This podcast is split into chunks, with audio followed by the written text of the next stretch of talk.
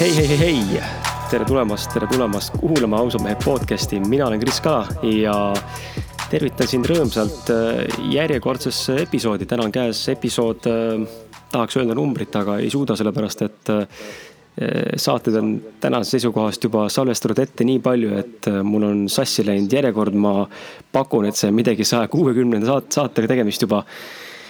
ja, ja, ja nii on lihtsalt, et tore on sind äh, taas siin meie juures äh, kuulamas näha ja kuulamas olla ja, ja ilma igasuguse suurema tervitus nii-öelda siis äh, monoloogina ma räägin kohe ühest olulisest asjast ära ja siis lähme kohe saate juurde, et kui see juhuslikult ei ole juba Facebooki vahendusel, siis ausalt meeste Facebooki vahendusel märganud või eelnevate saadete mm, nii-öelda siis äh, tulemusena märganud, et meil on olemas äh, selline huvitav asi nagu Ausad mehed podcast'i raamat tuleb välja. ja, ja see on võimalus endale ette tellida siis läbi Hooandja keskkonna, et äh, vabandust, läbi Hooandja keskkonna.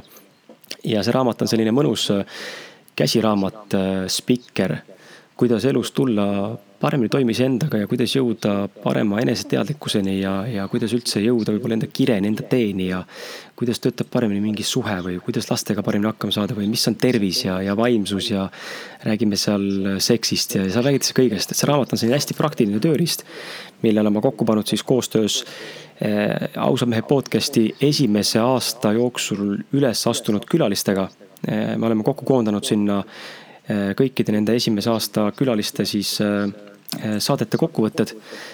Samuti on väga paljud külalised otsustanud anda raamatule lisaväärtuse, kirjutades siis juurde eraldi nii-öelda lisateksti. mis siis on nende jaoks olnud oluline või, või mida tunnevad, et tahaks maailmaga jagada ja sinuga jagada. Ja samuti on seal väga palju muid asju, mis selle raamatu muudavad erilisemaks ja selliseks unikaalsemaks, mida Eesti maastikul nähtud pole. nii et kui sul on huvi, siis ole hea ja mine vaata Hooandjasse ja, ja telli endale see raamat ette Äh, armas Irene, sina, kes täna mul külas oled, siis äh, sulle ka väike vihje, et sinu, sinu panus sellesse raamatusse saab olema järgmises raamatus, nii et siis sina satud sellesse raamatusse, kus on siis teise aasta külalised. et ilma ma sind ei jäta väga lahe. nii et jaa, aga mis meil ikka, tere, Irene. tervist, Kris. ma hüppan kohe siia sisse, ma ei hakka üldse siin kuidagi meie armsat kuulajat kuidagi soojendama ja, ja, ja annan sulle kohe sõna ka, aga ma olen kokku pannud väikse sissejuhatuse ka. ja ma loen selle ette, et äh, hea kuulaja saaks aru siis, kellega on tegemist, sest võib-olla kõik ei tunne sind ja, ja ja võib-olla ei tea, kes sa oled. aga õnneks tänase podcast'i jooksul siis saab selle probleemi nii-öelda lahendatud ja, ja me saame teada, kes sa täpsemalt oled. aga ma olen kirjutanud siis nii palju siia, et Irene Kaljuste on naine, kes on oma enda sõnul saanud väikesest ardlikust hiirekesest julgeks ja elu väljakutseid huviga vastu võtvaks ettevõtjaks, kes armastab eelkõige teha asju, mis on natuke teistmoodi ja mugavustsoonist väljaspool. sealjuures peab ennast oluliseks, et asju tuleb teha tegelikult südame ja rõõmuga.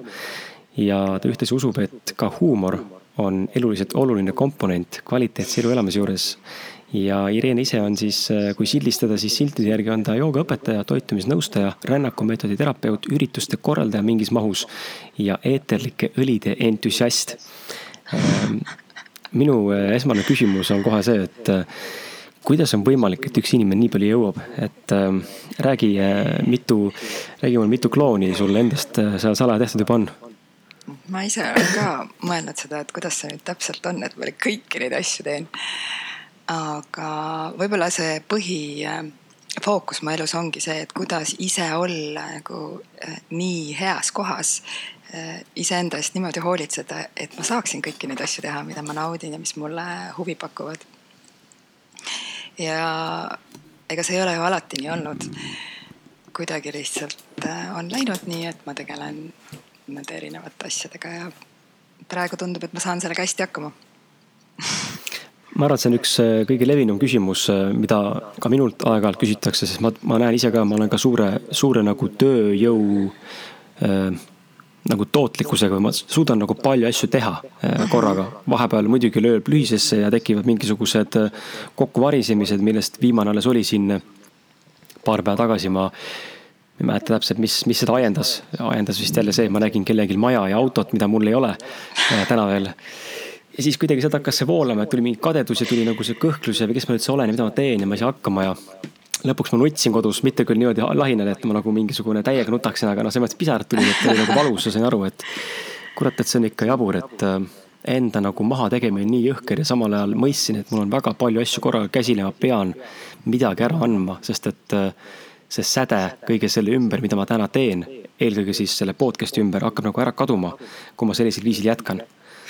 Ja, ja siis ma mõtestasin enda jaoks läbi, mul on sihuke harjumus tekkinud, et ma pean mulle meeldib kirjutada päevikut ja ma kirjutan alati nagu essee või kirjanduse, kirjan-, kirjandi vormis hästi nagu detailselt ja täislaused ja, ja analüüsin oma kirja pandud laused juurde veel ja siis mõtestan ja mõtlen kaasa ja siis teen asju ja tuleb hästi pikalt alati ja ja iga kord, kui ma endas selle sita nii-öelda nagu läbi seedin, äh, siis ma jään haigeks. ja ma jäin ka seekord haigeks paariks päevaks äh, palavikku. Või noh, mingisugune, mingisugune asi tuli üles, keha reageeris. ja siis ongi see küsimus on kõigil sama alati, et äh, kuidas inimesed jõuavad teha mingi viite või kümmet asja niimoodi korraga, et kõik on nagu justkui nagu voolab ja kõik, kõik asjad töötavad. aga, aga nagu asju on nagu nii palju lihtsalt, et puhtfüüsiliselt mõni inimene jõuab ainult ühte asja teha ja teine vend teeb kümme asja, kuidas see, kuidas see nagu võimalik on, mis on see fenomen, on ju. et äh, ma ka ei tea, ma ei oska vastata sellele küsimusele, see vist ongi natuuril, natuuris kinni mingil määral vist eks ta on natukene natuuris ja sellises kaasasündinud äh, elujõus võib-olla ka, et äh, mõnel on mm -hmm. lihtsalt hästi palju energiat, mida panustada. ma kindlasti ei ole seda tüüpi inimene, et ma ei ole ma olen pidanud iseendaga hästi palju tööd tegema ja tegelikult ega mul on ka samamoodi need augukohad tulevad sisse, kus ma tunnen, et mõni päev, et kõik, ma ei tea, ma ei saa sellega kõigega hakkama, et seda on lihtsalt liiga palju. aga siis ma käin seal põhjas nii-öelda korraks ära. Äh, lasen endal, tegelikult see ongi teatud selline praktika, mida ma teen. et äh, kui ma tunnen, et äh, mul liiga üle krutib, noh, sest et meel läheb lihtsalt nii aktiivseks kõige selle juures, et mida on vaja ära teha, on ju. kõikide nende projektide juures mm -hmm. on mhm. hästi palju toredaid ülesandeid, mis kõik vajavad tähelepanu. siis kui ma märkan seda, et see juhtub, siis ma lasengi kõigil kokku variseda enda sees. ma lasen kõigest lahti, lihtsalt Äh, nagu enda sees teen läbi selle protsessi, kuidas ma ei teegi mitte midagi. savi kukub kõik kokku, vean kõike alt, iseennast alt. nii juhtubki. ja kuidagi läbi selle ma tekitan sellise restardi koha endas. et äh, hommikul, kui ma ärkan ülesse, siis äh, ma lihtsalt panen suure paberilehe endale ette ja siis panen need kõik need asjad sinna kirja ja siis hakkan kusagilt otsast uuesti peale nii-öelda neid tegema ja siis saad jälle voosse ja siis on, siis on hästi. aga see on huvitav nagu tegi küsimus juurde, et, et kui meil on. et kas me peame siis sellist tsüklit kogu aeg käima, kus me nagu teeme, teeme, teeme ja siis mingi hetk on jälle see, et ah oh, kõik on perses risk. et ja siis ma teen restardi ja hakkab uuesti jälle teeme, teeme, teeme või me peaks leidma või võiks pea. leida siis nagu stabiilse sellise voolu, et ei teki seda tunnet ei pea ja ma arvan, et äh, ega ma olen hetkel enda elus ka selles kohas, et ma hästi vaatan äh, äh, neid asju, millega ma tegelen, millele ma olen oma commitment'i andnud, et mida ma võiksin ära anda. sest et kui ma äh, mõtlen enda ülesannetele, oma elule ja saan aru, et esimene aeg, kui ma tegelikult reaalselt päriselt puhata saan, on alles jaanuarikuus, sest et ma lihtsalt otsustan endale, et okei okay,, ma ei tee sel ajal mitte midagi, siis äh, et äh, kas ma tahan elada nagu kogu aeg sellist elu, siis vastus on kindlasti ei mm. -hmm. sest ma mõtlen, et see töö ja mänguaeg võiks olla kuidagi fifty-fifty tegelikult. Äh, ja siiamaani ma olen seda teinud. ilmselt on see olnud minu jaoks vajalik protsess, sest ma tegelikult ütleme ausalt, ma ei ole terve oma ülejäänud elu, ma olen viimased kolm aastat teinud tööd. Ja noh, siis ma olengi nagu teinud lihtsalt tööd kogu aeg nagu ehitanud äh, seda rännaku asja siin ja teinud erinevaid asju. aga enne seda ma olin koduperenaine, ma ei teinud mitte midagi muud peale selle, et ma tegin aeg-ajalt paar korda nädalas joogatunde. Äh, kasvatasin lapsi, olin nagu sihuke kodusoojuse hoidja. Äh, ja ma olin täiesti sellises enda tunde pealt poolamises, et mul ei olnud selliseid väga vastutusrikkaid ülesandeid, mis, äh, mis ärimaailmas võib-olla on mm. -hmm et selles mõttes äh, ma läksin äh, sellesse sellisesse nii-öelda töö tegemisse, ma ei tea, mulle endale ei meeldi tegelikult nimetada seda töö tegemiseks, sest et see on ka samal ajal mu hobi mm. -hmm. ma tegelikult ju väga naudin seda. Aga eks ma võib-olla olen seda tüüpi, kes äh, kipub nagu asju tegema üle, üliintensiivselt ehk siis nagu kogu täiega. ja siis Äh, kukkumagi võib-olla siis mingil hetkel sinna teise äärmusesse, aga. aga lõpuks tuleb see tasakaalu koht, kui sa oled äh, hullu pannud mitu aastat, siis sa saad aru, et okei okay,, et äh, sa soovid jätkata selle viisiga, aga nüüd tuleb leida, mis peaks olema vähem, et sa saaksid ikkagi ka seda loomulikku mõnusat pehmet voolamist ka enda ellu rohkem. et päris, päris tugevalt on olnud sellist, kui ma ennem olin sellist, äh, kui nagu rääkida naiselikkusest ja mehelikkusest, siis ma olin enne sellises hästi sellises voolamises ja kulgemises oma elus. siis äh, nüüd on äh, olnud selline treeninglaager, kuidas siis asju süsteemselt teha, kuidas distsiplineerida ennast, kuidas asjad õigeaegselt tehtud saaksid ja et see on selline kool olnud minu jaoks mm. -hmm. kas see, see äkki ongi mingisugune mm, naiste-meeste eripära, et äh, me hakkame nagu üksteise neid äh, nii-öelda mees- ja naisaspekte või energiaid nagu kogema, tunnetama või katsetama nii-öelda pärast seda, kui me oleme aru saanud, et see meie enda viis ainukesena ei ole võib-olla nagu lõplik terviklahendust äh, toov, sest mul endal on samamoodi täna, kuidas ma näen, et mingid suuremad visioonid ja, ja plaanid on nagu selgelt silme ees, aga samal ajal ma täna õpin ja elu tugevalt näitab, kuidas spontaanselt äh, nagu mingite asjadega nagu tegeleda või, või mingis äh,, mingis suunas spontaanselt läbi tunnetuse liikuda ja sealt võtta vastu mingisugune muu otsus üldse, mis tegelikult suures pildis võib-olla mõistuse perspektiivist nagu tegelikult ei valiks ja ei teeks mm. -hmm ma oskan ainult rääkida võib-olla enda seisukohast, vaata mm, -hmm. et mhm. ma, sest mulle tundub, äh, kui ma vaatan oma sõprusringkonna, et on naisi, kes äh, tunnevad ennast selles äh, naiselikus, puhtalt sellisest naiselikus energiast ennast väga mugavalt ja ei, neil ei olegi mingit ambitsiooni kasutada väga sellist maskuliinset energiat. aga minu puhul võib-olla oligi see, et ma sain aru, et ma ei ole tegelikult rahul selle koduse eluga ja et mulle väga meeldib. ma väga armastan oma lapsi ja ma naudin nendega tegelemist, aga ma enda sisemuses nagu oli see tunne, et see ei ole piisav, ma ei saanud sellist äh, täitumustunnet või eneseteostust sealt ja, ja noh, see äh, siis eeldab, et me ikkagi rakendame selliseid mehelikke aspekte, et otsus ja tahe ja liikuvus ja fookus on ju. ja jah, selles mõttes minu jaoks kindlasti on terviklikuks endaks saamise juures hästi oluline see protsess olnud, et ma äh, õpin endas tundma neid äh, mehelikke energiaid. ja läbi selle tegelikult äh, mu, mu ekselukaaslane, praegu on hästi huvitav aeg mul olnud viimased äh, poolteist aastat, kui me ei ole koos olnud. kuidas ma näen, et ma olen nii palju muutunud äh, tema sarnaseks teatud kohtade peal. ja need on need kohad, mida mina temas varasemalt kritiseerisin mm. -hmm. ja siis äh, nüüd ma lihtsalt olles ise selles äh, samas maailmas toimetades, siis ma saan aru, nüüd ma, nüüd ma nagu mõistan teda, miks ta oli, tundis ja koges ja oli seal, kus ta oli, ega tol ajal ma ei suutnud mõista, sest ma olin lihtsalt kodus ja lastega ja ma ei saa aru, kuidas ta ei suuda meie jaoks tähelepanu anda, olla kohal ja noh, et mm. -hmm.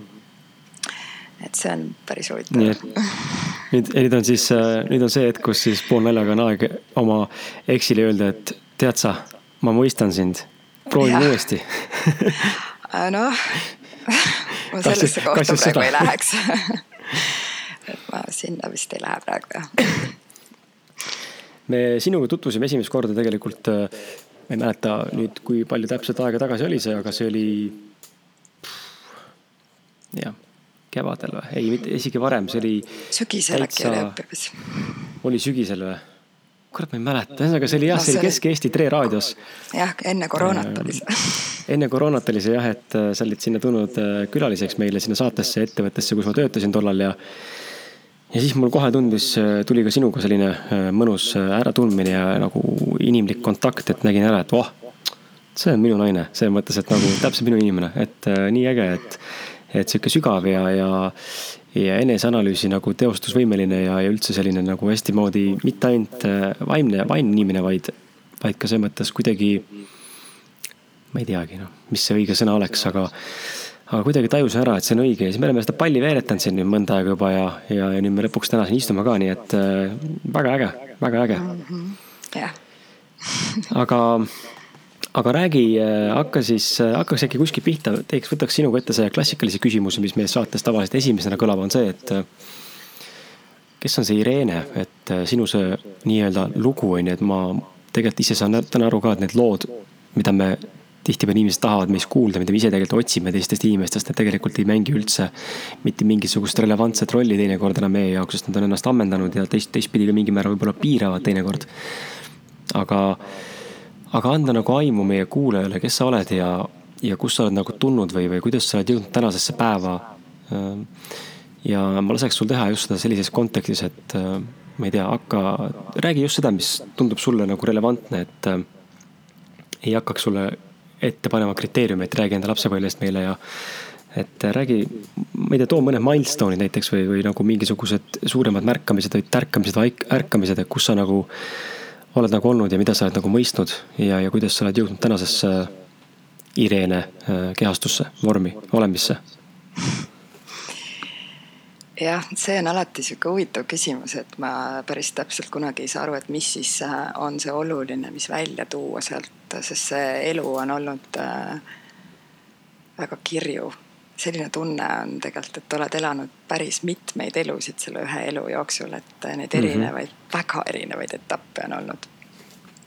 aga mis see läbiv joomine tegelikult on olnud äh, minu jaoks see, et äh,, et mingil hetkel, ma arvan tegelikult, et see juhtus juba teismelise eas, et mul tekkis totaalne segadus enda sees, ma ei saanud aru, mida ma siia tulnud tegema olen.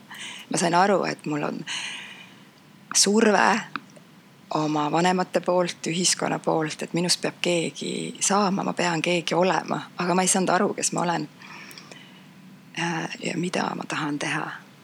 ja noh, loomulikult, kui sa saad juba täiskasvanuks, siis surve kuidagi sinu sees kasvab, on ju, et sa peaksid aru saama, mida sa siin teha tahad ja kes sa selline oled ja mida suurem see surve oli, seda vähem ma sellest aru loomulikult sain ja, ja siis kõige turvalisem muidugi oli mul kiiresti mehele minna ja siis laps saada, sest et mulle tundus, et see on mingi sihuke instinktiivne asi minus, mida ma oskan teha. et äh, ema ma igal juhul oskan olla, onju. ja siis ma äh, jah, mul sündiski esimene poeg tegelikult kahekümne aastaselt äh,, tõesti noorelt ja siis mingi aeg ma suutsin nagu äh, nii-öelda leevendada seda valukohta endas, et äh,, et ma ei tea, mida mina siia olen tulnud tegema. keegi ei öelnud ju ka tol ajal, et see on normaalne, kui sa kaheksateistaastaselt ei tea seda, onju. või kahekümneselt ei tea, et see on okei okay. ikkagi oli tunne, et pead teadma, onju. aga siis äh, ma ei tea, võib-olla minus on olnud kogu aeg see ikkagi mingisugune vajadus sügavamalt aru saada, kes ma olen. ja, ja noh, tegelikult poeg sai kaheaastaseks, siis ma juba hakkasin uuesti otsima. ma tundsin, ma ei saa jääda lihtsalt siia sellesse äh, keskkonda, sellesse rolli. et mul on vaja nagu edasi liikuda ja otsida ja, ja olengi tegelikult äh, esimese ütleme kuni kolmekümnendate alguseni võib-olla tegelenud sellise eneseotsimisega.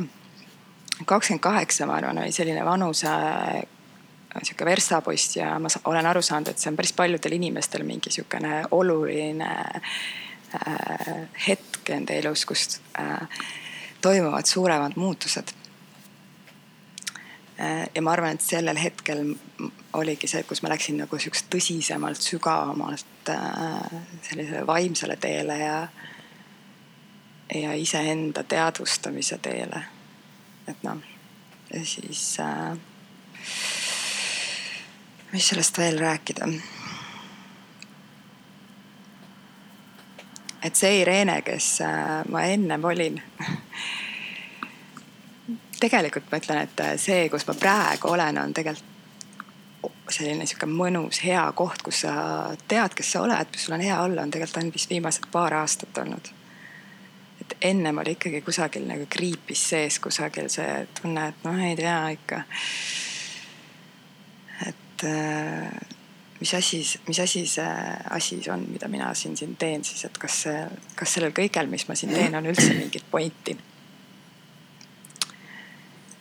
Lõpuks saad aru, et tegelikult vist ei olegi, et seal ei ole tegelikult üldse oluline, mida sa teed, vaid oluline see, et äh, kas sa tunned ennast hästi või mitte.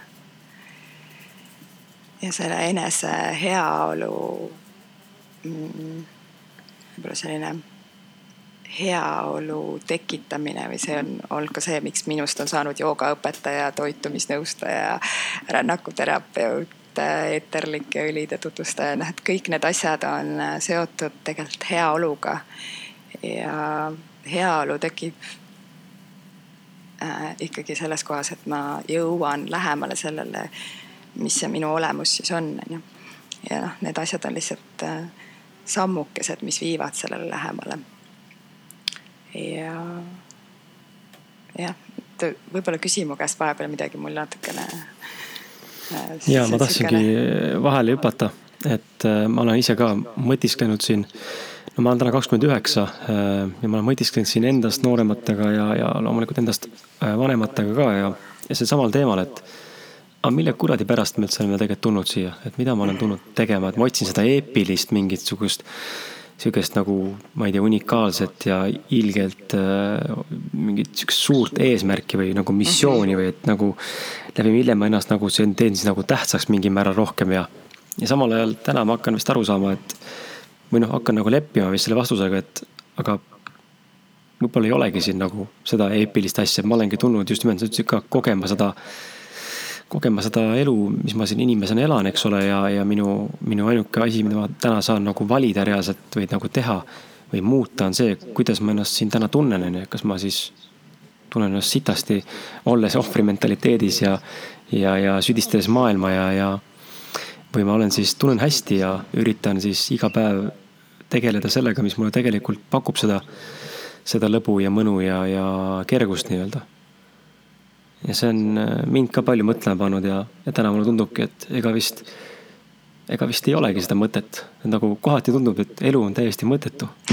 kui niimoodi kõrval, noh, mitte nagu nii depressiivselt, aga selles mõttes, et äh, ilma sildistamiseta, et elu tundub täiesti mõttetu. et ma lihtsalt, lihtsalt olengi siin ja, ja saan surma siis nagu so what või, või, või elan saja viiekümne aastaseks, siis mis, mis vahet seal tegelikult suures pildis on. või kui keegi on siin, noh, tihtipeale ma olen näinud inimestega suheldes, et äh, no näiteks Urmas Sõõrumaa näide, et, et kui inimesed võtavad siin Eesti maastikul Urmas Sõõrumaa ette, siis ennast temaga võrdlema hakates tekib sihuke nagu tunne, ma olen ikka täiesti, täiesti mõttetu vend.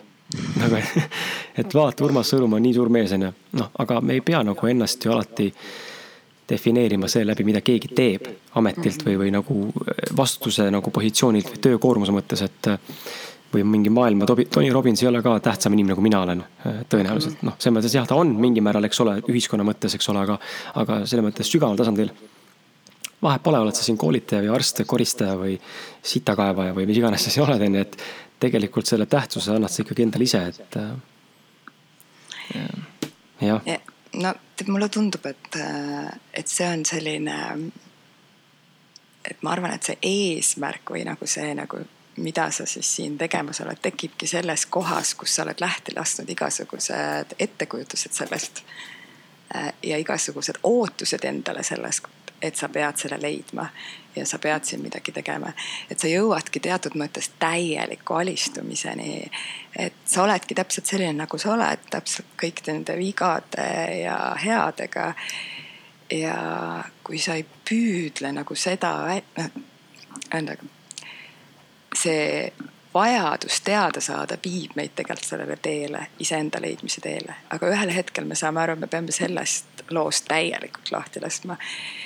ja siis äh, võib juhtuda, aga mingeid garantiisid selle koha peal ei ole, et see nii-öelda see missioon või see asi sinu sees lihtsalt iseenesest sünnib täiesti spontaanselt ja siis ei ole enam mingi kontseptsioon, vaid see on äh, selline rõõm millegi loomisest ja siis selle käigus sa võid avastada, oo, et aga see ongi see, see ongi see minu panus siia, onju. ükskõik, mis see on, onju. aga see ei tule sellest, et ma tahan ja ma teen ja ma pean saama ja.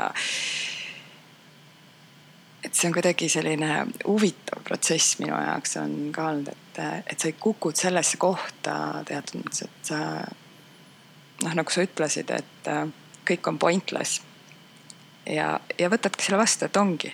ja mis siis, kui ongi nii?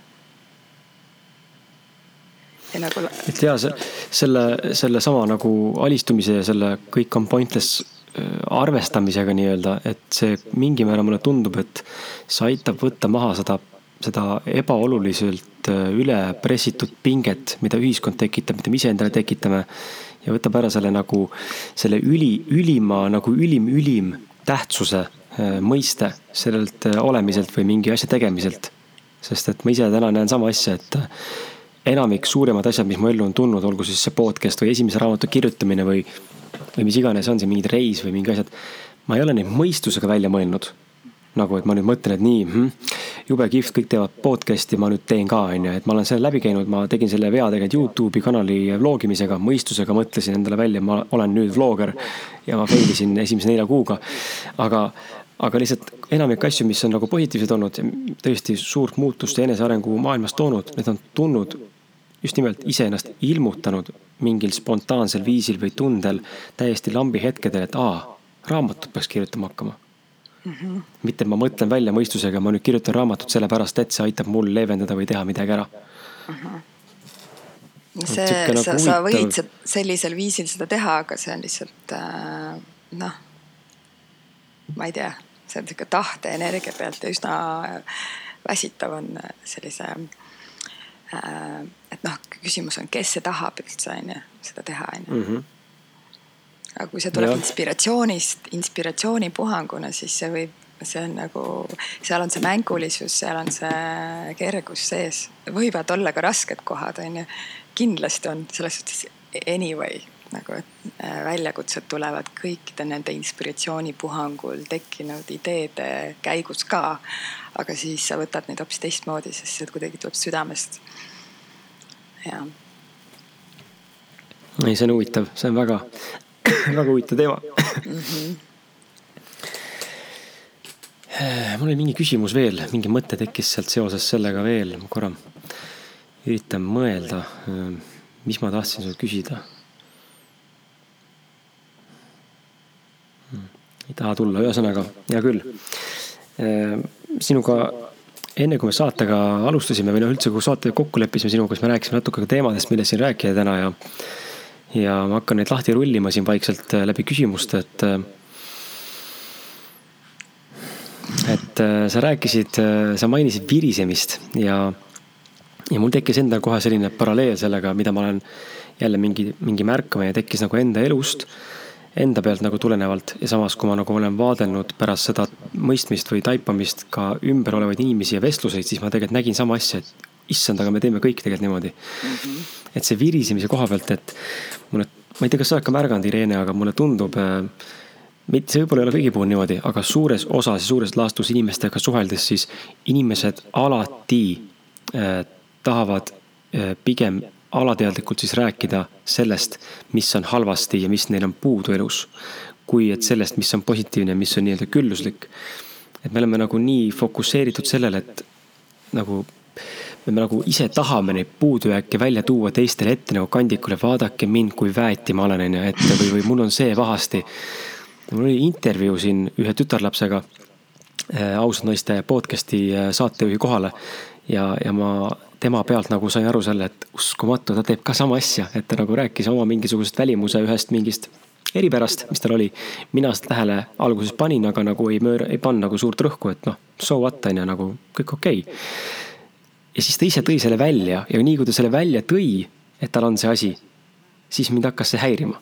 mitte nagu halvas mõttes häirima, aga siis ma nagu olin nagu teadlikumal, vaatasin, et kurat, aga tõesti on see nagu ja aga niikaua, kus siis, kui ta poleks teinud seda, siis ma poleks seda niimoodi märkama hakanudki. ja siis ma saingi aru sellest, et me tegelikult ise hakkame kruttima enda mingeid neid äh, virisemise rolle ja ohvrimentaliteeti ja puudujääke, et äh, mis sa arvad, huvitav, miks see, miks see on niimoodi ja kas sa oled ka sama asja enda elus kogenud, et me pigem inimestena tahamegi rääkida asjadest, mis on nagu halvad ja puudu, kui see, mis on hästi ja mida on palju? no mulle tundub, et see on muster äh, võib-olla mhm. see, võib-olla see muster, mida me oleme vanematelt, oma emalt või isalt saanud, et me nii-öelda põlvest põlve võib-olla kusagilt oleme selle üles korjanud ja noh, oleme seda oma lapsepõlves kuulnud ja siis nagu alateadlikult äh, teeme seda edasi. Ehk äh, see on sihuke äh, esivanemate kingitus, mida on tegelikult võimalik muuta. mina olen virisemisega tegelenud väga palju oma elus Äh, sihuke rahulolematus, sest see tuleb tegelikult sügavast rahulolematusest kusagilt selles kohas, kus ma ei ole iseenda, oma elus valikutega, oma suhetega rahul. Ja siis, kui sinus on rahulolematus sees, siis kuidagi meie meel või ego tasand lihtsalt näeb siis läbi maailma ka läbi selle rahulolematuse. ei oskagi midagi muud öelda minu jaoks väga värskendav kogemus on olnud ja mul on olnud äh, sellel teemal vestlusi ka inimestega, mis on olnud üsna emotsionaalsed. Ja minu jaoks oli ka väga emotsionaalne see või valus kogemus see, kui mulle otse ja ausalt äh, toodi tähelepanu, ütles, et kuule, et aga ma ei taha teada mis sul on nagu halvasti. siis mul oli äh, selline huvitav muster varasemalt, et ma rääkisin kogu aeg sellest, kus kohas mul valutab, üldse mul kogu aeg valutas kusagil. ja siis äh, ma ei pannud seda tähele, et ma äh, kõva häälega mõtlen, et ma räägin sellest lihtsalt kogu aeg inimestele, vot mul valustab siit ja mul on siin ja kuidagi nii väsinud olen ja ma ei tea ja nii. ja siis äh, mu kaaslane ühel hetkel ütles mulle, tead, Irene, ma ei taha mitte midagi sellest teada ja mul oli päriselt sellel hetkel, kui ma talle jagasin, et mul hammas valutas.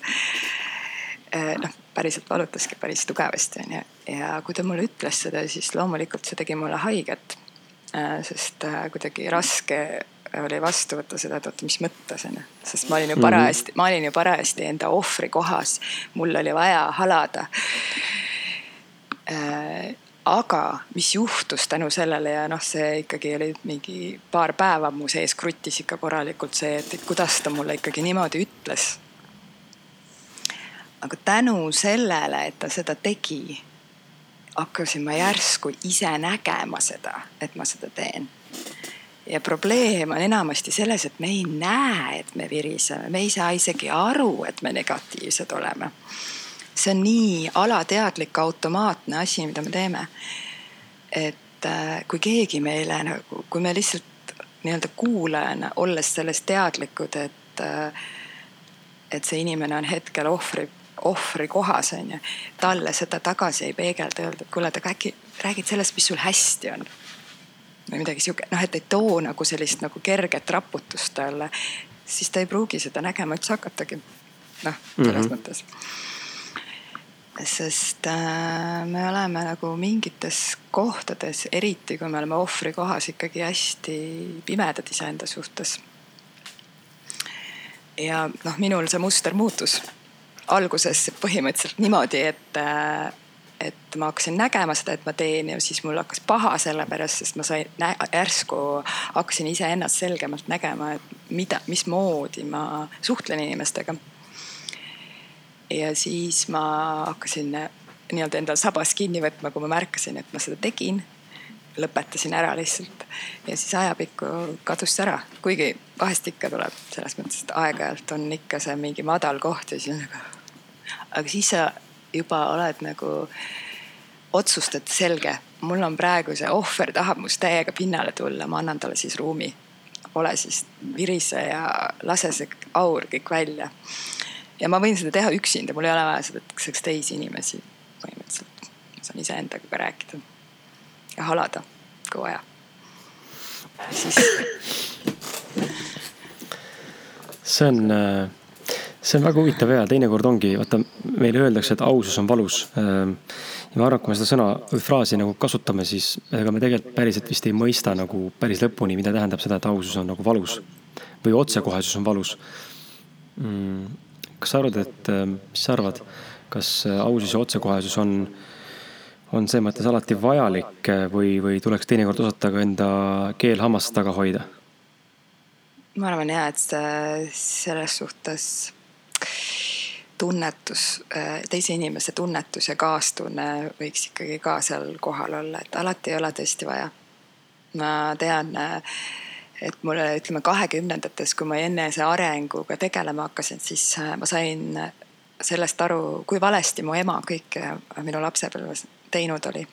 ja siis oli vaja talle loomulikult seda kõike öelda aga see, kui inimeses, selles teises inimeses ei ole tegelikult äh, seda valmisolekut ennast selliselt vaadata, siis äh,, ähm, siis see ausus äh, see ei vii mitte kuhugile, see lihtsalt teeb haiget, see loob konflikti, et mulle tundub, et ausus peaks toimuma nagu kuidagi nagu vastastikusel kokkuleppel ikkagi. et me otsustame, et me teeme siin me oleme näiteks partnerid ja me lepime kokku, et meil on luba, et anname üksteisele loa sellel teemal üksteisele tähelepanu tuua näiteks. või sõpradega näiteks. et, äh, et siis on see, ma arvan, okei okay.. aga tihtilugu me võime selle nii-öelda aususega äh, haiget teha väga palju. ja vahel on see ka, et see ausus aususe eskiisi all ähm, me ajame mingit oma õigust taga. ja see ei, tegelikult äh, ei ole siis nagu noh, et seal on mingid muud mängud sees juba. mul on, see on nagu sihuke, et ai, ai, ai, mul on nii valus praegu. Äh, ja mul on nagu päriselt selles mõttes valus, et mul on nagu hea mm,, hea, et sa seda esile tõid, selle sama teema nüüd või nagu teema jätkuks, et äh, mina ise näen et ma teen seda kogu aeg ja ma täna saan aru lõpuks sellest, et see on minu, see on koht, kus mina pean, ma ei tea, mis õige sõna on, õppima või, või muutma ennast või mis iganes veel, aga ma näen, et minul on väga suur ebavajalik õigsuse tagaajamine. ja ma saan tegelikult aru sellest, et lugesin, lugesin ühte raamatut ja seal oli väga hästi kirjas selle kohta, et need on, et nagu, seda nimetatakse mingil määral ka psühholoogiliseks, psühholoogiliseks kompleksiks. et neid psühholoogilisi komplekse nii-öelda siis selle ühe autori poole pealt oli nagu palju erinevaid, üks on need alaväärsuskompleksid, siis on süükompleksid. ja siis ta tõi nagu välja selle nagu võitleja kompleks, et äh, ja, ja tõe armastaja kompleks ja nende puhul oligi seesama asi, et mul peab alati õigus olema. Äh, või, või ma arvan, et mul on rohkem õigus, kui sul on ja siis ma üritan oma justkui nagu näiliselt heast südamest eh, anda sulle enda maailmavaadet ja arusaamist ja taipamisi edasi. Eh, aga ma teen seda väga vales signatuuri pealt, niimoodi ma, reaalselt tekib konflikt ja täna ma saan aru sellest, et ma teen seda. Eh, ja see on nii haige kõrvalt näha seda, mul on nii kahju, kui ma olen kellelegi teinud, ma väga vabandan, aga, aga samal ajal, samal ajal ongi huvitav olnud märgata, et see on nagu nii hävitav endale, sest et tegelikult see ajab sind veel rohkem närvi. sest et ma ju, kurat, ta ju ei kuula mind raisk, ta ju ei saa aru, mida ma räägin talle, ma ju räägin sulle, kuidas sa aru ei saa, ma ju loen, loen mu huultelt, ma ju räägin sulle.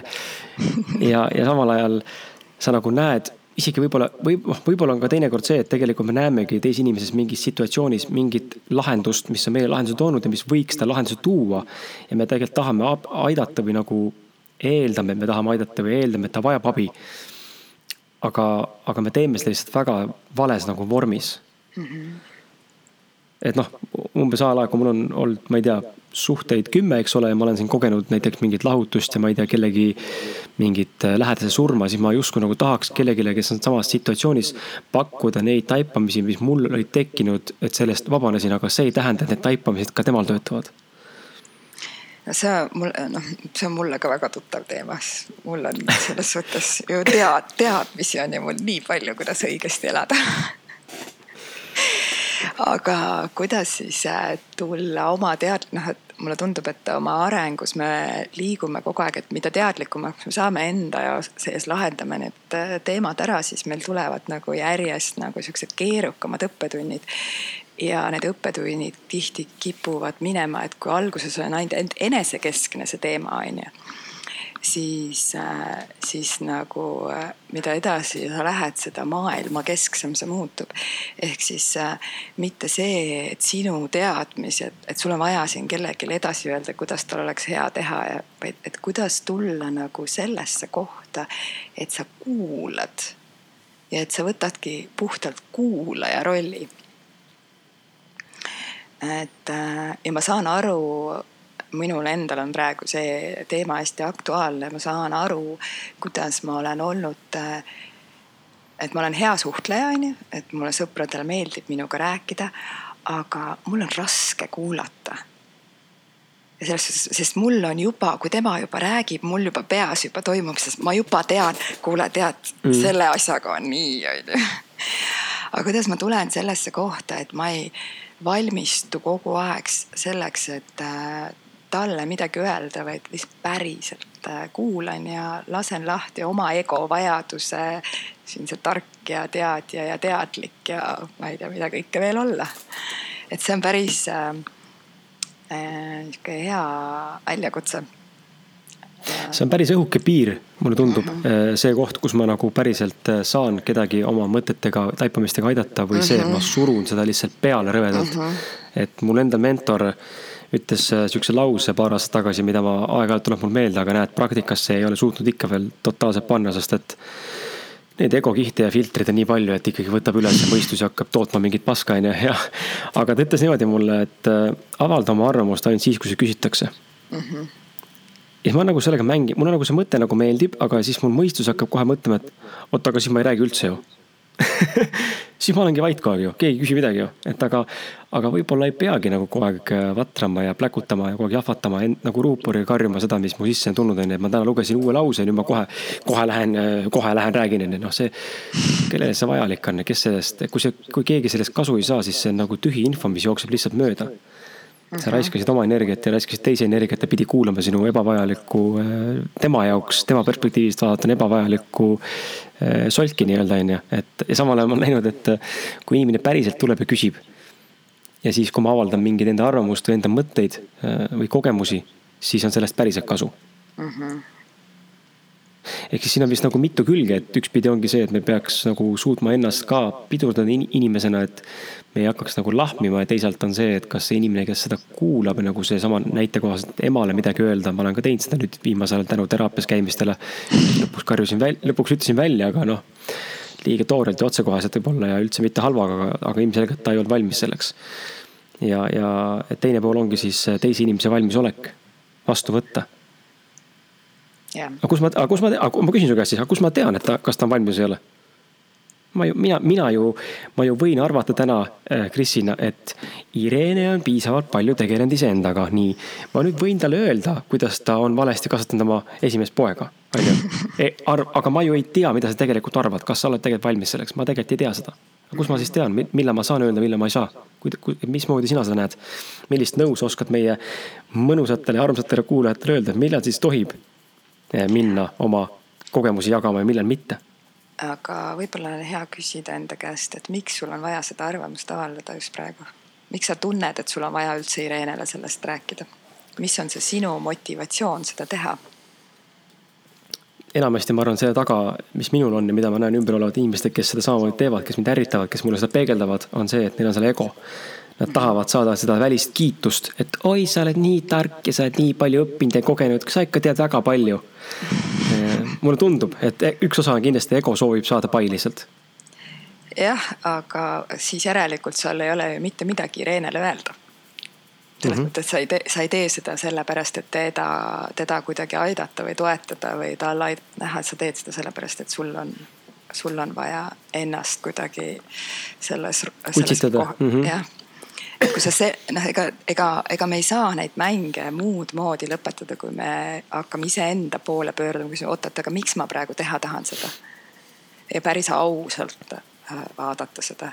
et noh, sa ei pea seda minema podcast'i ja kõva häälega välja ütlema, mis on su tegelikud ajendid, aga iseendaga võiks aus olla. Äh, ja kui sa näed. see on hea lause et seal on nagu mingisugused, kui sa näed, et seal on tegelikult mingi error, mingisugune uhkus, vajadus ennast kehtestada, näidata, et sul on õigus. ja meil kõigil on nagu niikuinii need impulsid seal sees ja kui sa tajud lihtsalt ära, et selles etteastes seal, mida sa praegu teha tahad, on see sees, siis äh, ma ei tea, kuidas sa ennast peatada suudad, aga võib-olla küsi enda käest ja hakka endast küsimusi küsima. et mille kuradi pärast sul on vaja üldse oma emale öelda seda?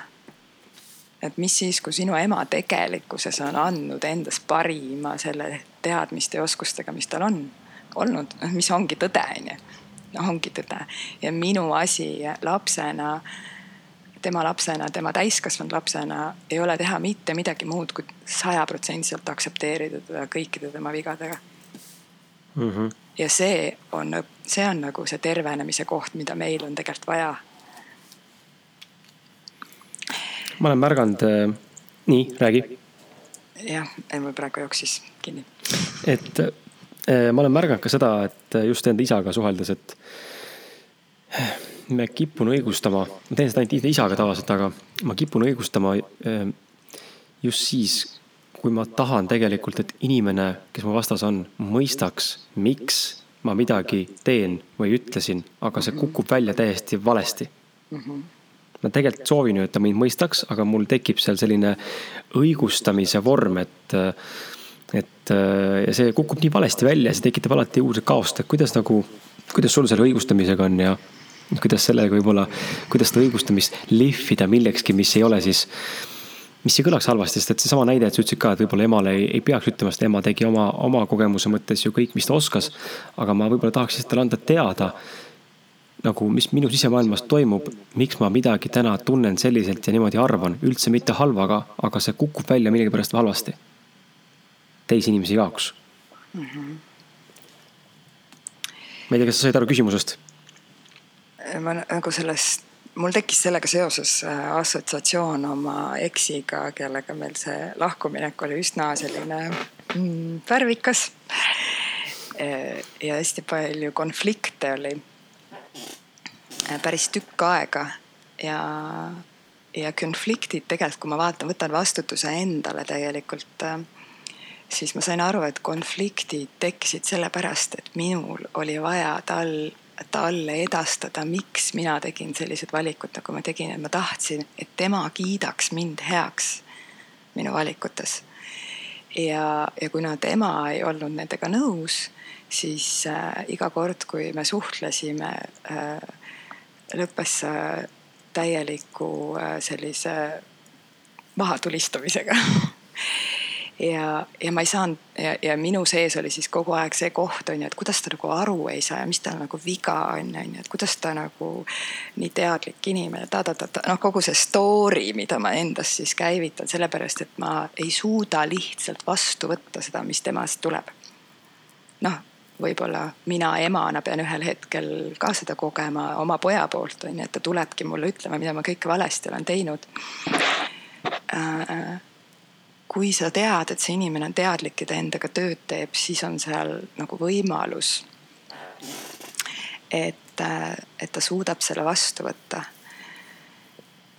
minu jaoks lõppes see protsess ja me jõudsime rahusse sellel kohal, kus ma ütlesin talle jah, ma olen kõiki neid õudseid asju, mida sa ütled. ehk siis ma ja tema jaoks tõenäoliselt toimus ka tervenemine selles kohas, et ma ei püüdnud ennast enam kaitsta. ja ma arvan, et hästi palju meie konflikte ongi seotud sellega, et me püüame kogu aeg ennast kaitsta ja õigustada ja teha selgeks, et vot ma tegin seda sellepärast. aga mis siis, kui seda ei ole vaja? mis siis, kui ma võingi vastu võtta kogu süü, nii-öelda süü, onju. Sest et ma arvan, et me oleme nagu äh, mõlemad, me oleme nii süütud, kui me oleme süüdi põhiolemuselt oleme niikuinii süütud kõik, on ju, sest me oleme lihtsalt ühed lapsed, kes on siia kehastunud mängivad neid oma mänge. et egod, kes omavahel clash ivad, ego ju kunagi ei sobitu kellegiga, on ju, tal on alati mingi vastandumise koht. aga, ja, ja ma jõuan ikkagi sellega ikkagi sellesse kohta, et kogu tervenemine algab sellest kohast, et ma alistun sellele, mis toimub siin välises maailmas, kui see välismaailm tuleb mulle teavitama, et äh, ma olen häda, üdini äh, läbi ja lõhki mäda, siis ma ei püüa talle selgeks teha, et ei, sa ei saa must aru. ma olen seda kõike teinud sellepärast või sellepärast ja palun kuula mind ja mõista mind ja äh, armasta mind sellisena, nagu ma olen. et äh, armasta ennast või noh, nagu see koht, et kui sa jõuad nagu, et armasta ennast, siis ka selle naisena, kes äh, tegi haiget selle emana või selle pojana, kes on valesti käitunud, kes on eksinud. E, ma ei peagi tegema ennast selles mõttes ju korda, et, äh, et ma olengi nüüd siis nüüd see täiuslik inimene. ma lihtsalt äh, arvestan sellega, et äh, ma olen ka kõiki neid äh, nii-öelda koledaid asju. ja äh, õpin ennast aktsepteerima ja läbi selle, kusjuures läbi selle aktsepteerimise enese nende varjupoolte aktsepteerimise suudan ma näha ka oma ema ja oma lähedasi ja, ja maailma üleüldisemalt ka suurema sellise tingimusteta armastusega aga see on äh, päris korralik selline äh, läbi muda minemise protsess nagu. vähemalt minu jaoks oli mm -hmm. korralik põlemine sisemiselt. kus sa, eh, sa pead nagu kõik oma ego kaitsemehhanismid maha äh,, kukutama ja mis siis järele jääb, see on meeletult suur haavatum, haavatavus, mis meist tegelikult pinnale tuleb. kui me lõpetame ära selle äh, igasuguse äh, eneseõigustamise ja kaitsmise ja nende lugude rääkimise. et see nõuab julgust. aga see on väga väärt seda. teine asi, mis äh, väga palju julgust nõuab ja mida me, mida sa tegelikult nüüd korra mainisid ka, on vastutuse võtmine ja, ja ma tegelikult äh, tahakski küsida sinult, et kuidas miks me peaksime inimestena tegelikult tegema seda eh,? nagu, mis kasu mul sellest on, kui ma vastutan eh, totaalselt, on ju, et see vastutus on mulle ka, tundub eh,, enne kui sa vastata saad, siis mulle tundub, et seda mõistetakse väga erinevalt, et on see tavaline vastutus, ma vastutan ma ei tea, selle eest, et ma lõin sind, on ju, et anna andeks, et ma tegin seda. või, või ma vastutan selle eest, et ma midagi varastasin või midagi tegin ütlesin. aga samal ajal ma näen täna enda elu pealt, et see vastutus läheb hästi peentasandile tegelikult välja ja just isegi nagu kohati nagu äärmustesse, ekstreemsustesse oma näidetega ja, ja samal ajal ikkagi on ta kehtiv. ja mul tuleb praegu pähe just sihuke kaks näidet on ju, et äh, ühe ütles, äh, üks näide nagu siis see, et kui sõidan nagu liikluses autoga ja mulle söötakse tagant sisse, siis süüdi ei ole mitte see, kes mulle sisse sõitis, vaid süüdi olen mina, ehk siis ma vastutan selle eest, et ma tulin liiga vara kodunt välja või ma jõudsin valesse ristmikusse, ma tegin vale pöörde. et see olukord sai tekkida, see on nagu totaalselt äh, nii-öelda totaalne ekstreemne vastutuse võtmine ja võib-olla isegi natuke nagu hullumeelne, onju. aga, aga saab seda asja vaadata ka selliselt, et see on minu süü, et see juhtus minuga. ja teine siis nagu näide, mis on laialt levinud, on, on ka see, et äh, näiteks kui ma ostan poest mingi asja ma olen näiteks vegan või taimetoitlane või allergik. ja siis sellele sildil kirjas näiteks, et seal on pähklid sees või mingisugune asi, mis mingi allergen sees. ma söön selle ära, mul ei teki reaktsiooni õnneks või kahjuks. Eh, aga ma saan pärast teada, et eh, kurat, seal ikkagi oli midagi sees või ma tunnen, et midagi hakkas kerima, aga kirjas ei olnud. siis nüüd tahaks nagu süüdistada täiega, et näed, persevestid, te ei pannud kirja sinna eh, koostisainetesse, aga tegelikult vastutus on minu najal, et ma ei küsinud siis üle või siis ma ei tea, ei, ei võtnud kodust midagi muud endale kaasa, ma leppisin sellega, et ma ostan siis poest ja riskin sellega, et seal on see sees. et ähm, kuidas sina seda vastutuse võtmist nagu näed ja, ja, ja mis on need erinevad vormid, kui seal üldse on mingeid erinevaid vorme ja miks peaks üks inimene tegelema endas sellega, et võtta vastutus iseenda elu ja enda tegude ja kõigi asja ees? no natukene mulle tundus, et see, mida sina kirjeldasid, läheb juba sinna natuke sellesse ohvri rolli kohta, sest et see vastutus võib olla ka maskeerunud ohv, ohver on ju. et mina olen vaata mm -hmm. kõiges süüdi on ju, mis toimub nii-öelda. et kui ma oleksin käitunud teistmoodi, seal on juba see lugu taga, et kui ma oleksin teinud seda, äh, siis oleks asjad teistmoodi olnud on ju. juba see koht äh, näitab seda, et äh, vastutust on kuskile minevikku pandud mingisugusesse loosse. minu jaoks on vastutuse võtmine pigem nagu see, et okei okay,, ma olen praegu selles olukorras siin. Äh, siin on see situatsioon, mis siin on, mis on kõige parem, mida ma sellest teha saan.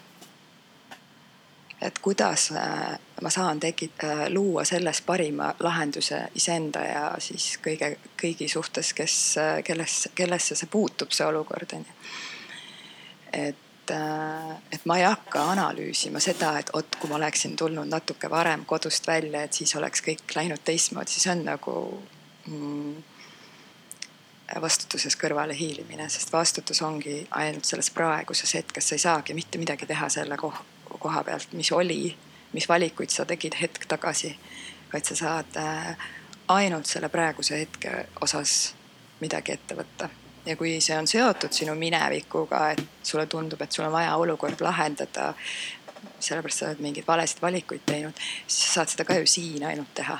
sa saad siin võtta vastutuse ja otsustada, et ma nüüd teen seda, ma annan sellele inimesele teada, et äh, ma eksisin.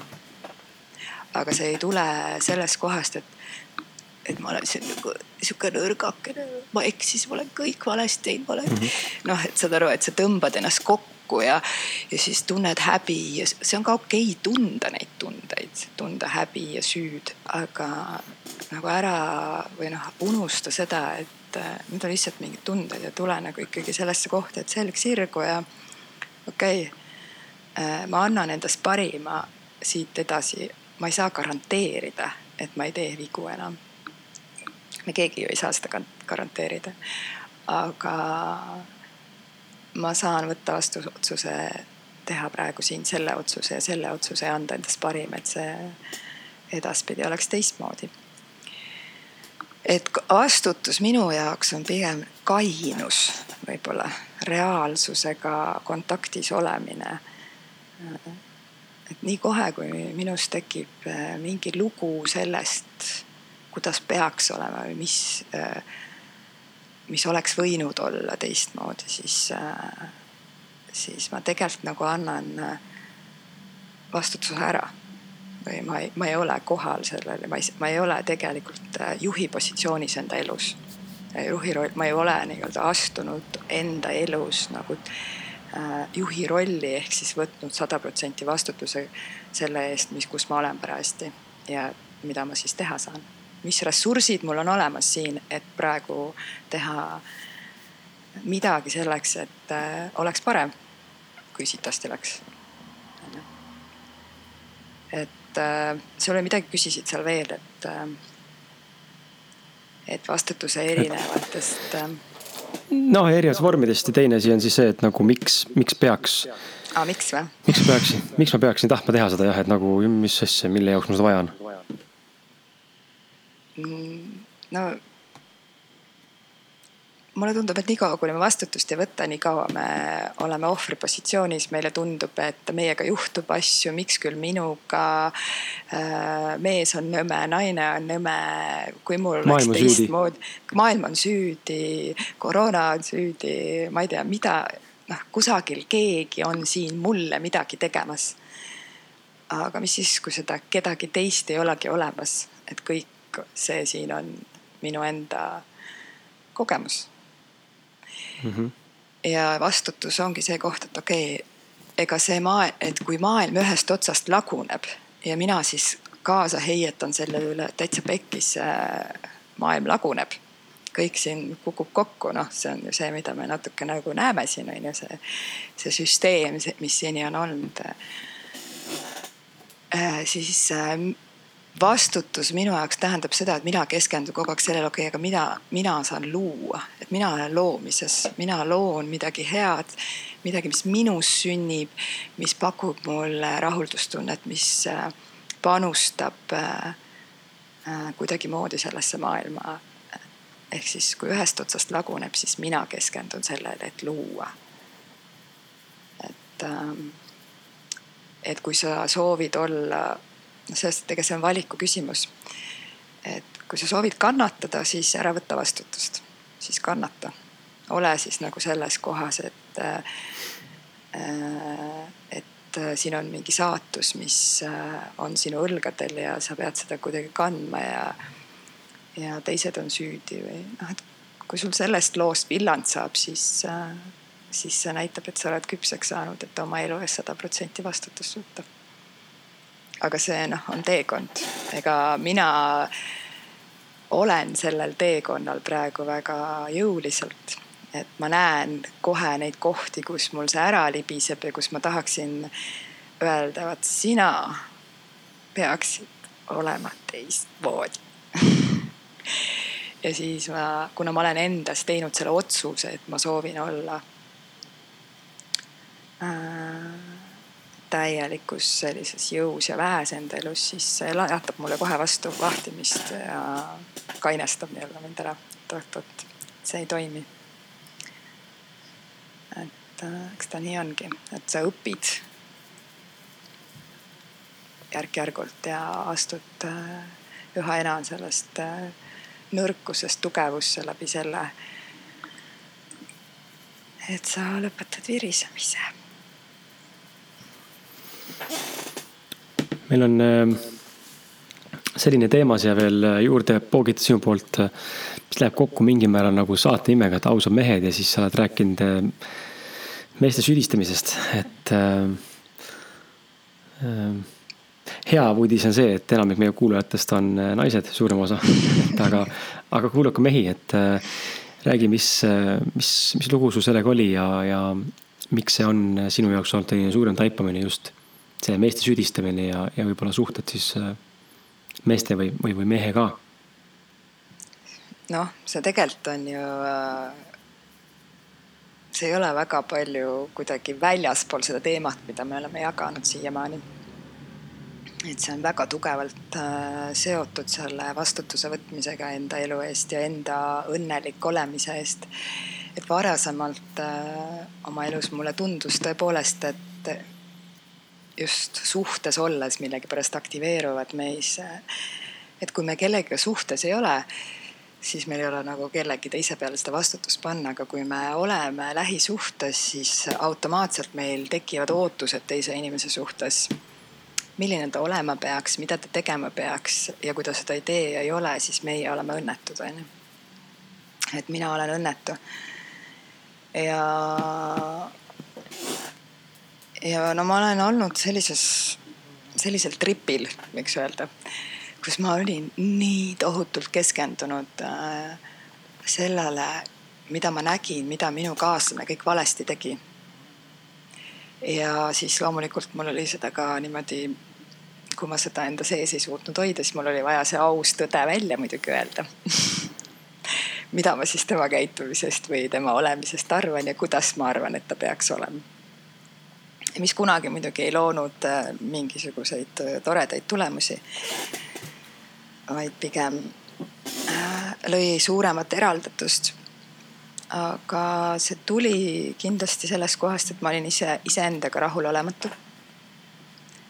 ja ma ei osanud ise, ma ei osanud selles hetkes nagu või selles ajaperioodis aru saada sellest, et mis, mida see tähendab siis äh, ise iseendasse rahulolu leida. et kuidagi sihuke kaassõltuvuslik teema, ma arvan, oli hästi tugevalt mul sees, et ma toetusin liigselt oma mehele. äh, kaotasin iseennast suhtesse ära otsuste tegemisel. pigem vaatasin talle otsa ja siis, kui ta tegi valesid otsuseid, siis sai vastu päid muidugi loomulikult ja aga ühel hetkel, kui siis suhe, noh, eks temal oli seal omad rollid, onju, aga ma räägin iseendast. ühel hetkel lihtsalt äh, ma sain aru, et mul ei ole nagu mitte mingit muud äh, teed sellest äh, kannatusest ja valust välja, mida siis see suhe minus tekitas, kui keskenduda iseendale. ja siis hakata iseenda sees otsima seda, mis mind õnnelikuks teeb ja mm, ütleme nii, et äh, sellel hetkel, kui ma äh, lõpetasin, noh tõin nagu kõik, ma sain aru seda, et nii kaua, kuni mul on ootused sellele teisele inimesele, nii kaua äh, kogen mina oma elus valu. Ja on sellised, just sellised ootused, mis ma saan aru, et selles, noh, ta on teistmoodi. ta ei, ta ei, ta ei too mulle neid asju, mida ma ootan talt, onju. et mul olid ebareaalsed ootused inimesele. et äh, nii kaua ma, nii kaua ma siis siplen selles ja, ja kannatan. et äh, siis ma lasin lahti lihtsalt, ütlesin okei okay ei noh, lihtsalt nagu ei ole mõtet oodata inimeselt midagi, mida sa võib-olla ise päris täpselt aru ka ei saa, mida sa siis ootad, sa tahad, sa tead, et sa tahad ja naistena meil on eriti see teema, et me oleme rahulolematud millegiga, aga me ei saa päris täpselt aru ka, millega me siis rahulolematud oleme. Meil on lihtsalt see mingisugune tunne sees ja me projitseerime selle enda kaaslase peale siis me hakkame seda nägema, mida tema kõik valesti teeb, kuidas ta ütleb, kuidas ta on, kuidas ta ei märka. kuidas ta aru ei saa ilmselgest, onju. noh, sest äh, naised ju saavad ilmselgelt kõigest äh, noh, nagu tajuvad kuidagi intuitiivsemalt, mehed võib-olla natuke teistmoodi selle koha peal ja vajavad nagu seda, et neile selgelt väljendatakse, mis siis see ootus on, onju aga kui me ei oska seda teha, kui me ise täpselt ka ei tea, mida me ootame, kui me ei ole kontaktis sellega, mis on meie väärtused elule, siis äh, siis need suhted kipuvad äh, kuidagi väga hapuks minema. ja tihti võib juhtuda ka see, et kui me ei ole teadlikuks saanud sellest, mis meie väärtused elus on, siis me olemegi suhtes inimesega, kellel ongi täiesti teistsugused väärtused ja need äh, äh, mitteklappimised äh, tulevadki sellest, et me proovime panna siis selle ruudu sisse siis või selle ümmarguse augu sisse seda ruudukujulist äh, äh, vormi. ja siis äh, muudkui raiume seda sinna sisse ja see kuidagi sinna ei lähe ja, ja siis oleme, on mõlemad pooled õnnetud et äh, väga hea mõte on minu arust istuda maha ja hakata endale esiteks selgeks tegema ja siis omavahel jagama, et mis need siis põhiväärtused meil elus ongi ja kas meil üldse need äh, kattuvad. kas meil on üldse ühist ala, kui, kui on selline suhe, mis äh, hästi palju rahulolematust tekitab. et jah aga vaata, seda on ka jälle raske mingil määral inimestel vist teha, sellepärast et sealt tuleb automaatselt esile see alateadlik eh, mingi hirm ja, ja mõistuse poolt eh, toodetud eh, mingid mõtted, et aga mis siis, kui meil polegi mitte midagi ühist ja peaksime laiali minema, aga ma ei taha üksi olla mm. -hmm. et nagu noh, ma näen ise ka, et väga paljud inimesed on täna äh, suhtes harjumuspõhiselt, isegi kui suhe on võib-olla läbi, siis tegelikult ollakse koos mingitel välja mõeldud lugudel või nagu tingimustel või põhjustel. ja nagu ei juleta edasi nagu minna, et äh, ega ma isegi, ma arvan, kui mul peaks tekkima olukord, kus ma peaks mõtlema tänast suhet lõpetada, siis ma ei tea, kas ma suudan. -hmm. ma ka ei tea, kas ma suudan, nagu nii palju koos oldud juba ja, ja nagu laps on ja nagu miks ma nagu, mis asja, ma ei pane seda nurka niimoodi lambist. noh tegelikult ma usun, et kõik suhted on äh, võimalik panna toimima, kui mõlemad on äh, valmis kasvama ja avarduma ja tööd selle nimel teevad, et kui see side omavahel on ikkagi piisavalt tugev, siis äh, ma usun, et ei pea lahku minema. noh, see eeldab seda, et see side on piisavalt tugev, onju. Aga kui ei ole, noh, et ega see ma saan aru sellest kohast, ega see ongi väga-väga-väga raske ja minu jaoks äh, lahkuminek oligi noh, ma arvan, et üks siukseid elu keerulisemaid protsesse, see viimane lahkuminek. et aga samas praegusel hetkel tänu sellele, et see nii valus minu jaoks oli äh,. Ja ma lubasin kogu sellel leinal endast nii-öelda läbi voolata tõi see mu ellu väga suure muutuse positiivses suunas. et ma olen tänu sellele kõige hirmutavamale asjale, mis minus või minuga võis juhtuda, see, et me läheme lahku. Äh, olen ma täna iseendaga niivõrd palju paremas kontaktis mm. -hmm. Et minu jaoks oli see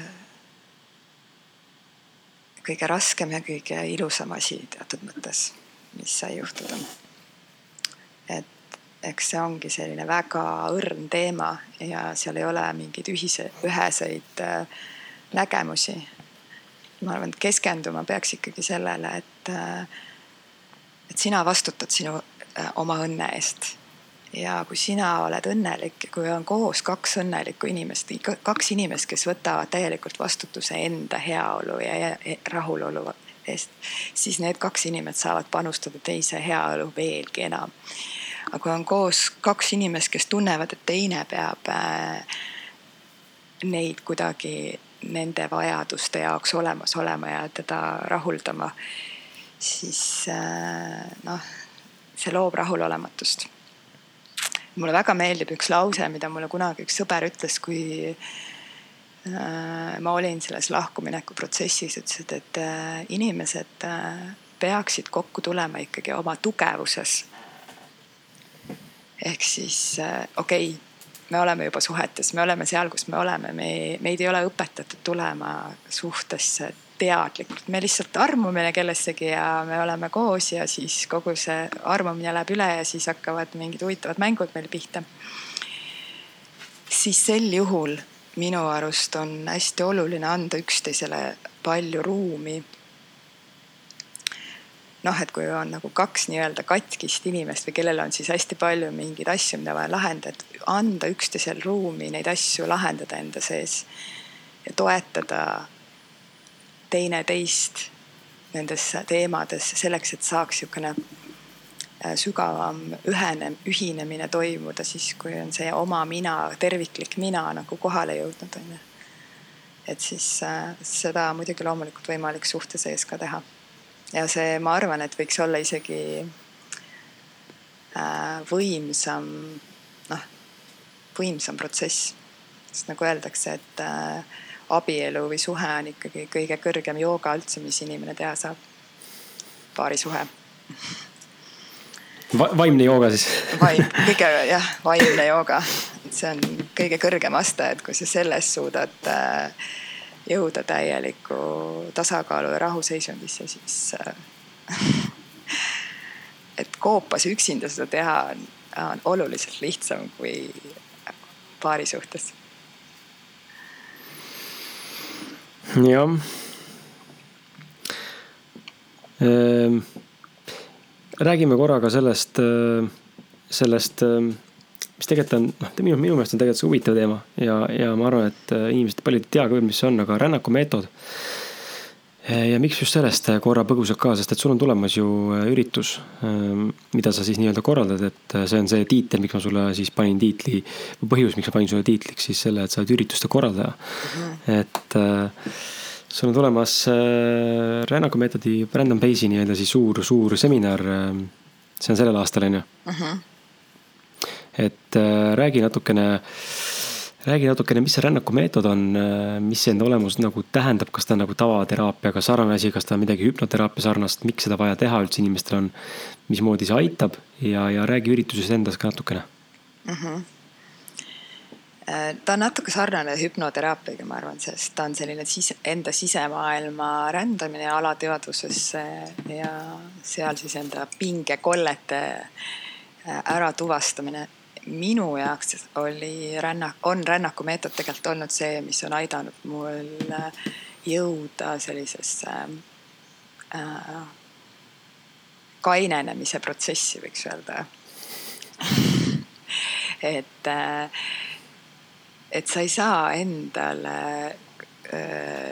noh, ta võtab kogu mängu sult põhimõtteliselt ära.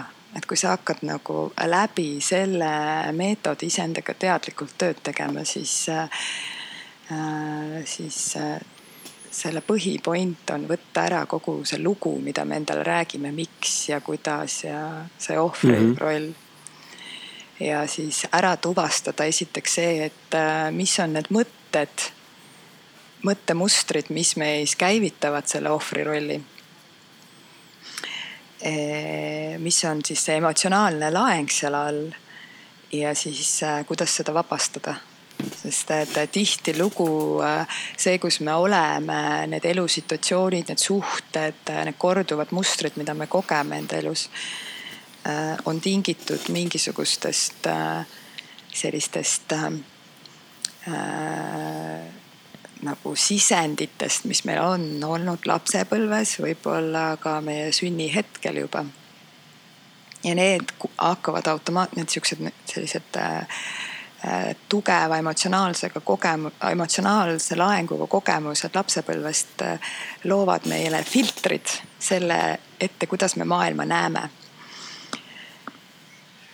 ja, ja siis äh, need kor-, need korduvad erinevad situatsioonid loovad veel omakorda filtrid, ehk siis äh, meie nägemisväli on nagu nii palju kõikvõimalike uskumuste äh, ja hirmude filtritega kaetud, et me ei suudagi reaalsust tegelikult kogeda.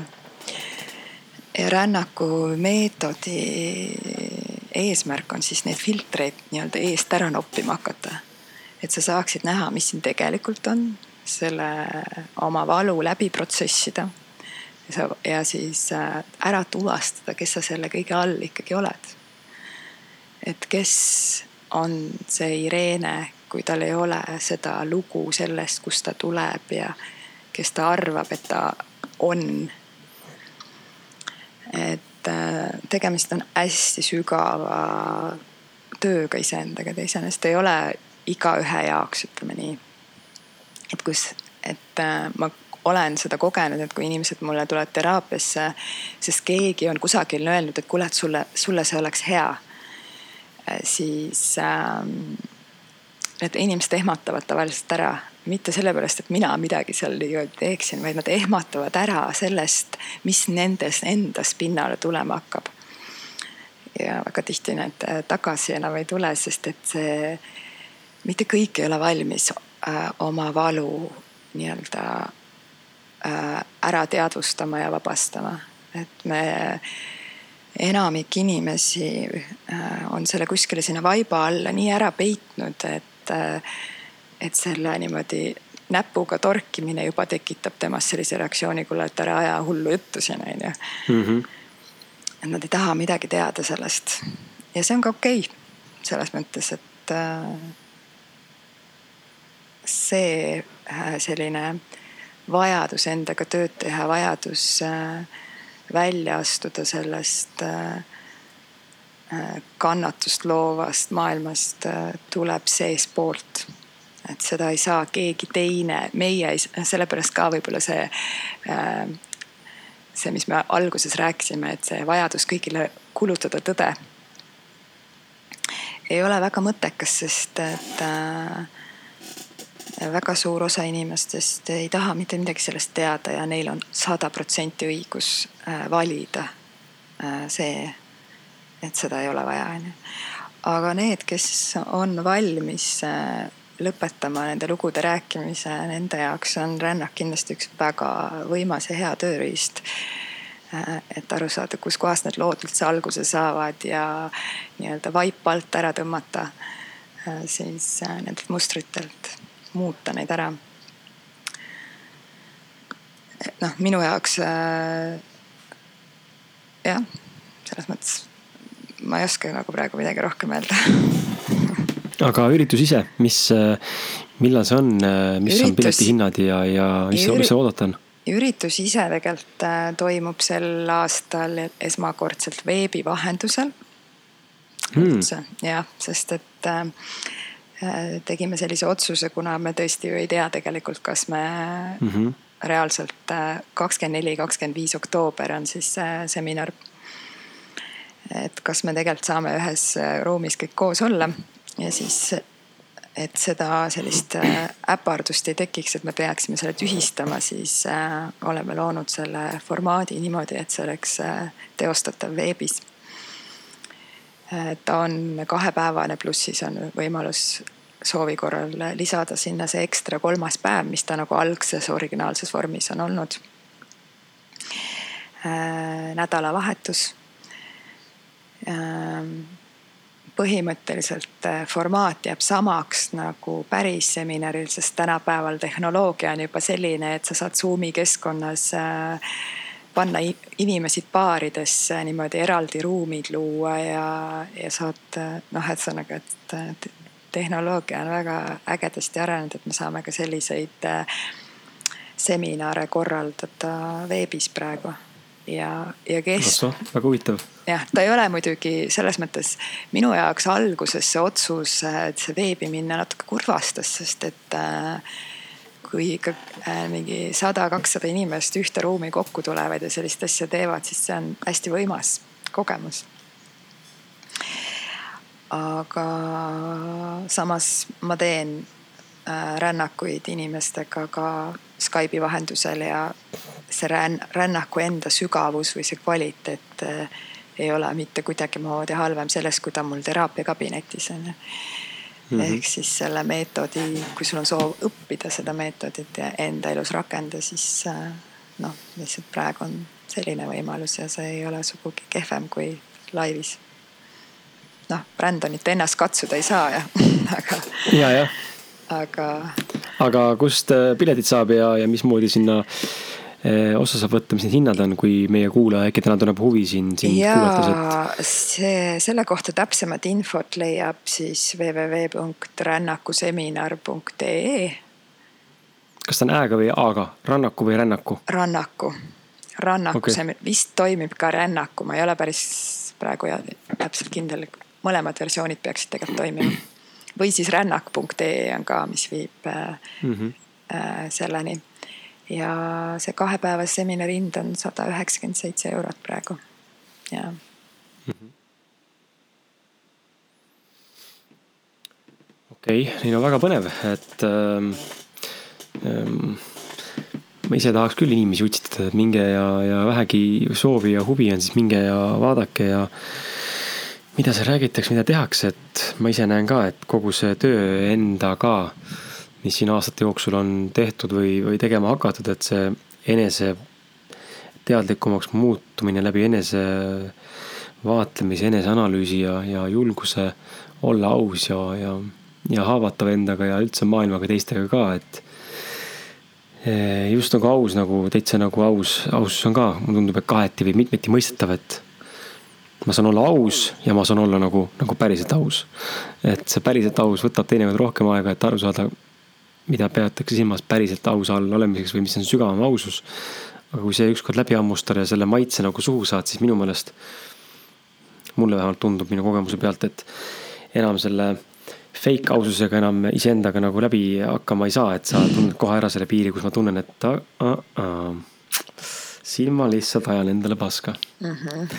et selles mõttes on hästi nagu äge, kui selle ära tabad, et millal sa oled nagu üdini aus ja millal sa tegelikult ei ole, et see on, on andnud mulle väga palju taipamisi ja, ja samal ajal väga palju aidanud, aidanud ka nagu mingeid, ma ei teagi, situatsioone paremini lahendada ja uusi inimesi ellu tõmmata või, või suhteid hoida või suhteid luua ja samas ka mingisuguseid äh, uusi asju ette võtta. Äh, just nagu kogemuse mõttes ka, et, et, et jaa, vot, utsitan selles mõttes, minge, minge vaadake ja surfige, mida Irenel seal pakkuda on. aga ma korra vaatan, mis meil siin on, meil on eh, tund kakskümmend neli täis tiksunud podcast'i aega. Eh, ma küsiks sul veel mõned küsimused ja siis mm -hmm. vaatame, kuhu me sellega siis jõuame, et meil räägitakse sellest, et vaata, meil on, me oleme, meid on õpetatud ikkagi väga palju ühiskonnas selli-, noh, täna on see muutumas, aga mina oma lastega teen teistmoodi, ma arvan, sina enda lastega juba tegid natuke asju teistmoodi, aga meid, sind, mind ja meie vanemaid on kindlasti õpetatud sellisel viisil, et jumala eest ennast mitte esikohale seada. et nagu ei, sa ei ole egoist, egoist ei tohi olla, on ju, kuigi see ei tähendagi egoistlikkust otseselt. aga, aga et ennast esikohale panna ei tohi sõna otseses mõttes sa ise sured enne nälga, aga peaasi, et pere hakkama saab ja, ja mis iganes veel näited siin on. et teiste arvamus on oluline ja ühiskonna mõtted on olulised ja jumala eest ei tohi eristuda ja. Et miks on sinu arvates ise, iseennast nagu esikohale seadmine oluline ja, ja äkki oskad sa nagu natuke tuua ka mõned näited või, või lihtsalt näite sellest, mida on sulle iseennast esikohale seadmine õpetanud?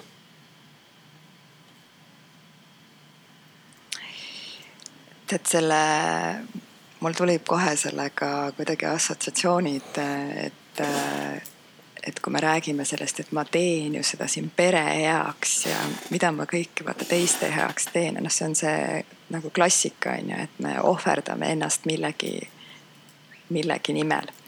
siis äh, minu kogemusel vähemalt mitte kunagi, isegi kui see mm, see kestab aastaid ja ongi, et äh, näiteks mees teeb tööd selle nimel, et perel oleks hea.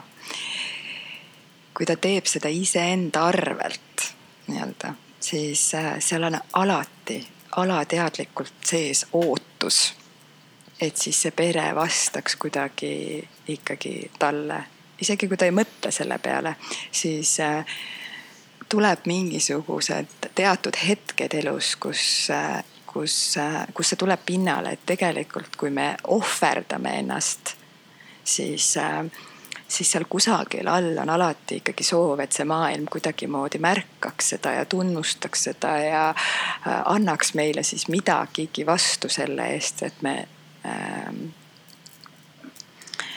äh, jätame siis iseennast tahaplaanile, onju ja noh, see, see on, see mäng lõpeb alati täpselt ka äh, kuskil sellises kohas, mis, kuhu me lõpuks ikkagi jõuda ei taha.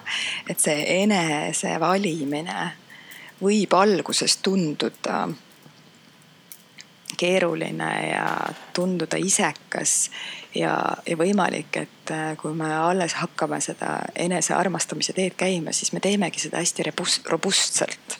et me nii-öelda lihtsalt nagu teavitame, et ei, noh, õpime ei, ütleme, et me, ei, ma ei tee seda ja et me võime mingites kohtades nagu sellega liialdada selle nii-öelda enesevalimisega onju.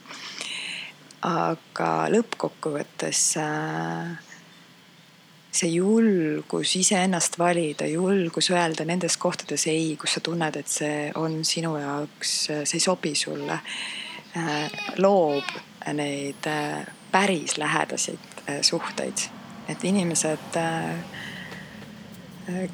kohanduvad ja, ja läbi selle, kui, mida rohkem me kõik ennast armastame ja oskame iseennast valida, oskame me ka päriselt anda ja toetada üksteist nagu sellisest ehedast kohast ilma nagu sellise omakasuta, sest me oleme iseennast valinud, siis on meie jaoks loomulik, et kõik teised valivad ka ennast. et äh, mul on hästi huvitav äh, lugu kunagi mu emaga, kui ma sain äh,, emaga mul on hästi keeruline nooruspõlv olnud. me hästi palju tülitsesime ja ta oli üsna selline agressiivne minu suhtes ja noh, mina muidugi äh, siis omakorda olin siis hästi agressiivselt enda kaitsmises ja kogu mu selle enesearengu tee kesksel kohal on olnud siis tervendada oma suhe emaga, et ma suudaksin temaga ühes ruumis niimoodi olla, et ta mulle närvidele ei käiks. noh, sest see oli nagu mega, kuidas ta mulle närvidele kõigega käis oma hääle, oma liigutuste, oma selle, oma abivalmidusega, abivalmidusega, mis tuli samamoodi sellest kohast, et ta, et seal ei ole seda enesearmastust, onju.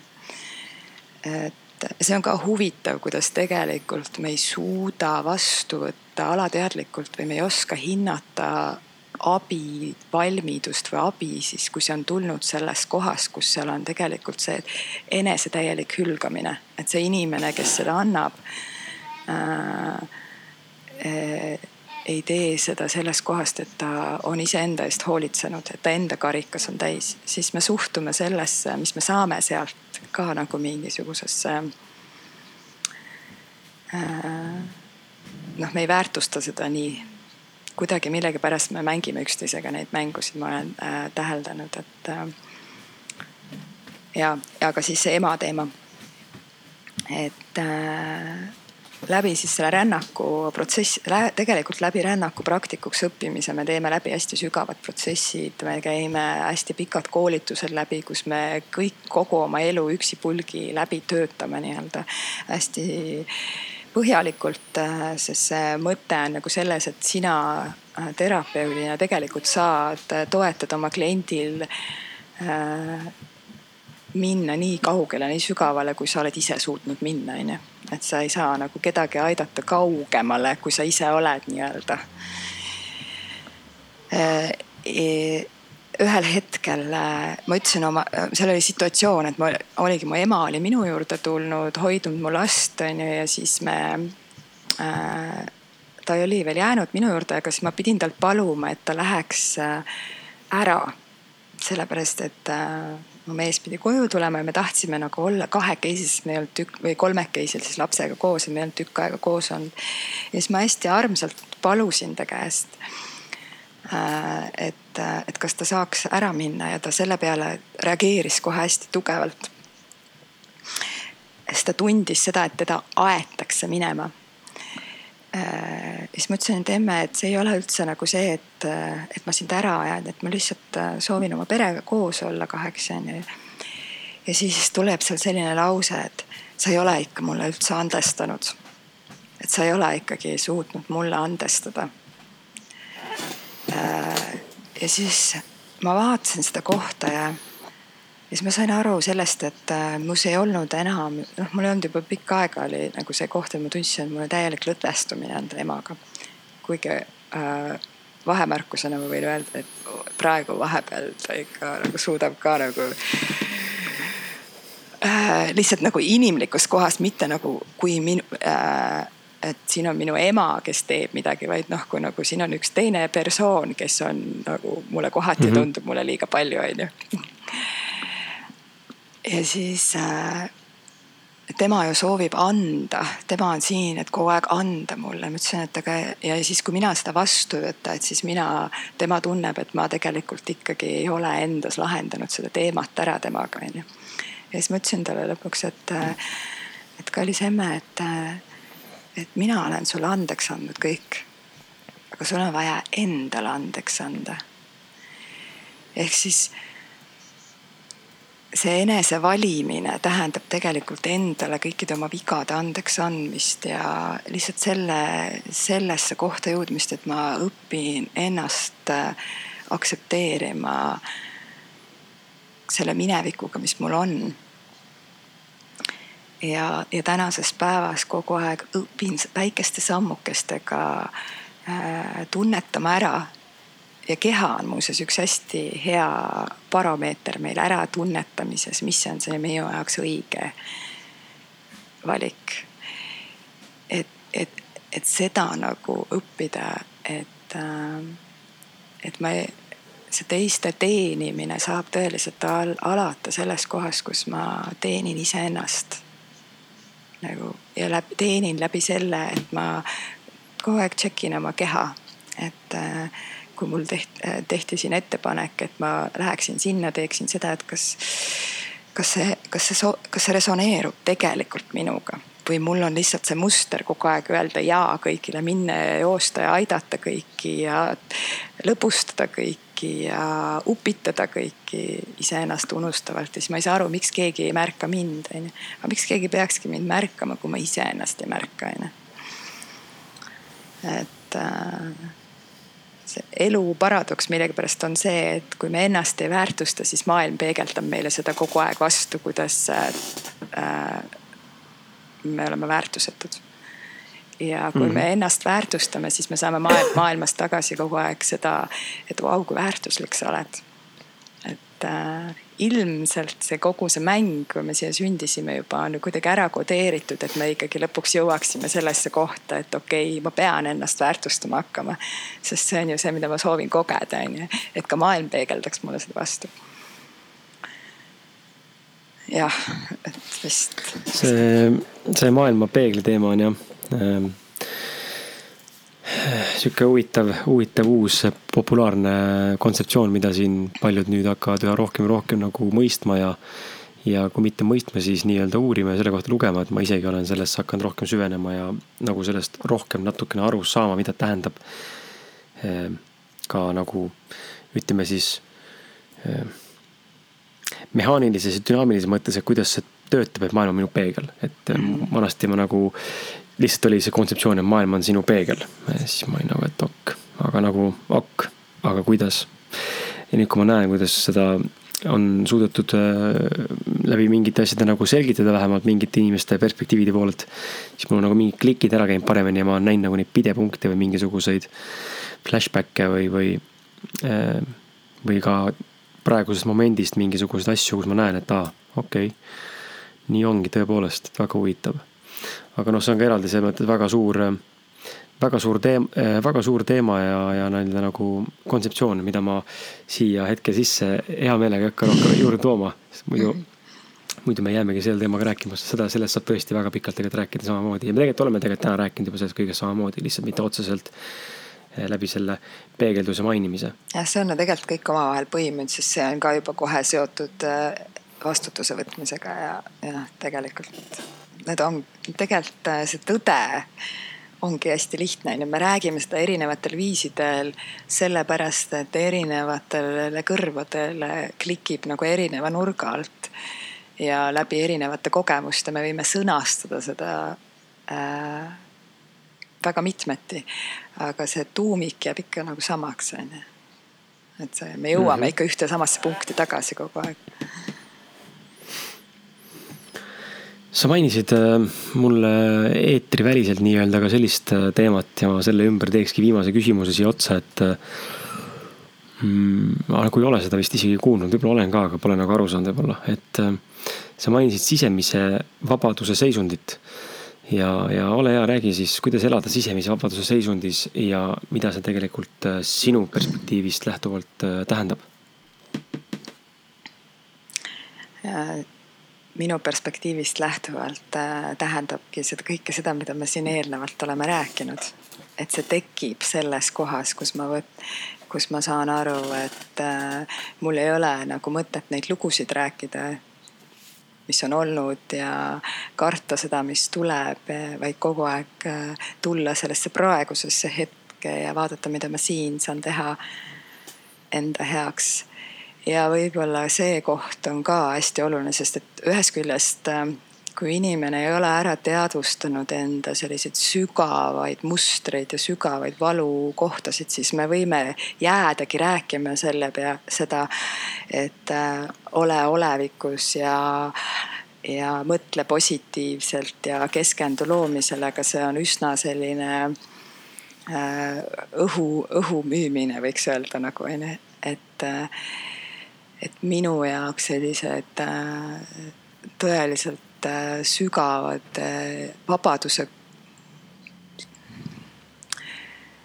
noh, naljakas on selle kohta öelda kogemus, sest et kui sa selles seisundis täielikult oled, sa saad aru, et see ongi kõige loomulikum olek üldse inimese jaoks me olemegi tegelikult vabad ja meis ongi see rahu ja rõõm ja õndsus tegelikult kogu aeg olemas.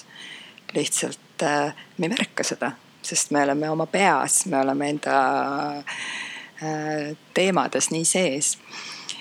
aga rännaku, rännak, miks ta ilmselt on ka nii populaarne maailmas, ongi see, et ta lihtsalt äh, vist kõige nagu sellisem ägedam asi nagu, mida ta annab, on see, et ta koorib ära kõik selle Äh, mis siin seisab selle ees, et ma oleksin kontaktis äh, enda nii-öelda sellise tõelise olemusega, mis on siis lihtsalt see puhas teadvus. ja puhas teadvus võib väljenduda siis armastuse tunde, rõõmu, rahu, vabadusena. et äh, ja see on see seisund, mis tekib sel hetkel, kui sinus ei ole enam mingeid takistusi ühegi emotsionaalse laengu kogemisel. et kui sinus ei ole nagu hirmu, hirmu tundmises, hirmu viha tundmises, häbi, ühesõnaga kõik emotsioonid, mis meie sees on, kui meil, kui me ei suru mitte midagi sellest alla, kui me oleme täielikult kontaktis kõikide oma emotsionaalsete värvingutega või nende vibratsioonide või ma ei tea, pilvekestega, mis meist läbivad. ja me, ja need lihtsalt saavad vabalt voolata meis äh,. siis ma olengi vaba. sest siis mul on okei okay,, kui Kris ütleb mulle midagi sellist, mis vajab mind endast välja, ütleb mulle, et äh, kuule, et sa ei ole oma last õigesti kasvatanud. ma tajun enda sees, sest ma olen inimene, on ju, et äh, ma, ma, ma ei usu sellesse, et me, ma isiklikult ei usu sellesse, et äh, valgustumise seisund võiks olla midagi sellist, et siis mul ei olegi ühtegi negatiivset emotsiooni. et äh, pigem ma tajun seda, sest ma olen kogenud neid valgustumise sähvatusi, võiks öelda. on, see on see, et need emotsioonid ja mõtted lihtsalt voolavad must läbi ma ja ma kogen neid täiesti puhtal kujul, ilma et ma neid kuidagi äh, alla suruksin. ja siis äh, ma ei saa ja kui ma seda selliselt kogen, siis ma ka ei loo sellest mingit pikemat lugu. ja siis ta tuleb ja läheb lihtsalt. ehk siis keegi ütleb mulle, ma olen oma last valesti kasvatanud, siis ma tunnen, et minu sees äh, aktiveerub see süütunne aga kuna ma olen täiesti kohal sellele tundele, siis see on ainult mingi paarkümmend sekundit ja see tunne on läinud ja ma olen jälle rahus. et äh, vabadus on minu jaoks võib-olla see, et äh, sa lubad elul endast läbi voolata ja sa ei takista elu ehk kui sulle tehakse ettepanek äh, tulla podcast'ile näiteks, äh, siis ütleme kolm aastat tagasi ma oleksin sellele kindlasti ei öelnud. sest ma ei oleks julgenud seda teha. sest minu sees oli äh, see, et kõik, mis minus hirmu tekitab, ma pigem väldin. ja siis täna on lihtsalt see, et hmm, siin on mingisugune huvitav tunne, et mul on nagu ärevus davai, lähme vaatame siia, mis siin on, onju. ja siis lihtsalt äh, jah, seda on nagu sõnadesse võib-olla natuke raske panna, aga kuidagi äh, kirjeldada seda kogemust, siis võib-olla jah. et see ei, ei takista elu. no mul on väga hea meel, et sa elu ei takistanud ja ikkagi tulid, et et äh, ma ei, ma ei päriselt, mulle väga, nii nagu ma ütlesin saate alguses ka, et midagi sinu juures, äh, sinu puhul klikkas minu jaoks ja, ja ma tunnen, et sinuga on mõnus, mõnus rääkida ja, ja arutleda ja sind kuulata ja, ja kuidagi olen samal lehel ja võib-olla mõni, kes kuulab, ei, ei tunne sama ja see on ka okei okay. mm. -hmm. et äh, ma arvan, et paljud, kes võib-olla kuulavad ka podcast'i äh, või noh, siia jõuavad, siis võib-olla neile ei meeldi minu hääl ja minu mõtted saatejuhina panevad kinni, onju, et issand, kui nõme vend.